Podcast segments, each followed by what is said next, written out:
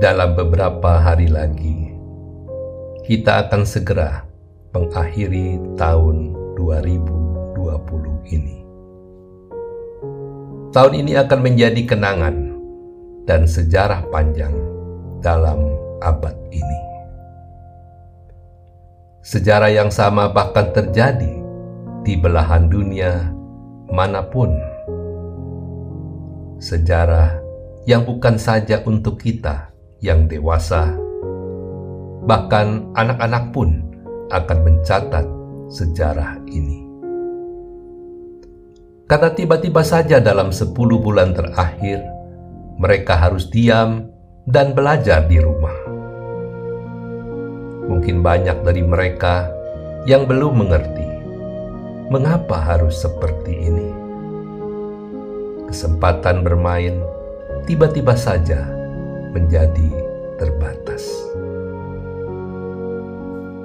Memasuki tahun 2020, kita diguyur hujan lebat yang berkepanjangan, sehingga banjir besar melanda Jakarta dan Bekasi serta sekitarnya.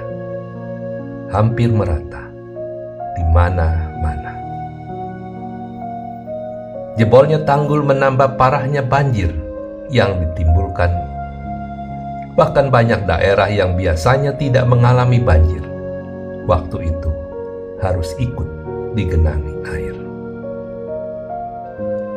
Ketika masuk bulan Maret 2020, kita mulai hidup dengan seluruh protokol kesehatan yang harus kita patuhi. Setelah itu, tiba-tiba saja seluruh proses kehidupan berubah. Tiba-tiba saja kita semua mempunyai kebiasaan yang sama.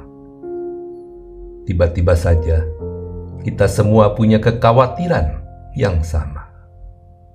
Bahkan tiba-tiba saja isi doa kita pun menjadi sama.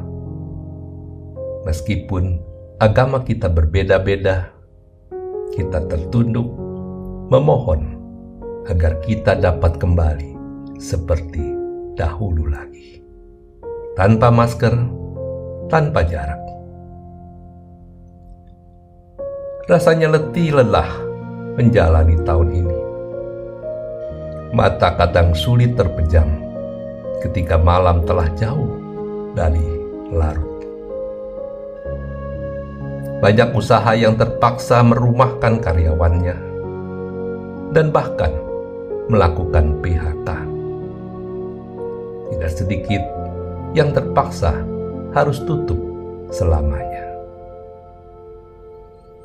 Beruntung kalau kita masih bekerja, walau harus dilakukan di rumah saja. Ada rindu yang tidak mungkin bisa terungkap dalam kata, karena komunitas kita tiba-tiba berubah menjadi virtual. Tidak ada lagi tawa lepas, rangkulan hangat, dan cipika-cipiki seperti biasanya. Selalu ada rasa ingin untuk memeluk orang yang kita kasihi tanpa resah seperti dahulu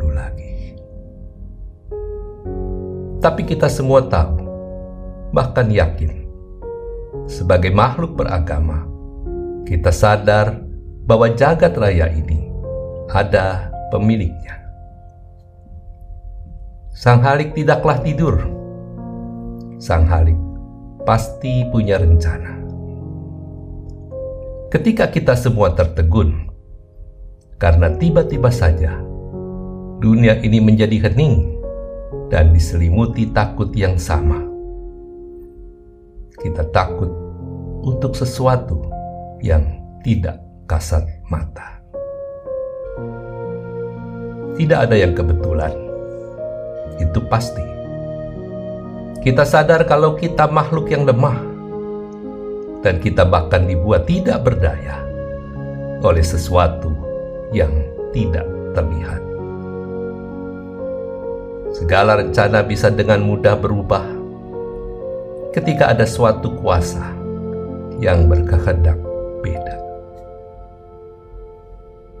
Sepuluh bulan kita sudah bertahan dan semua rencana menjadi tidak pasti dalam menerjang badai pandemi ini. Berita vaksin yang sudah tiba di tanah air sedikitnya menimbulkan harapan, walau mungkin banyak juga dari kita yang meragukan apakah ini menyelesaikan masalah. Sekecil apa pun pengharapan yang ada, mari kita song-song tahun yang baru.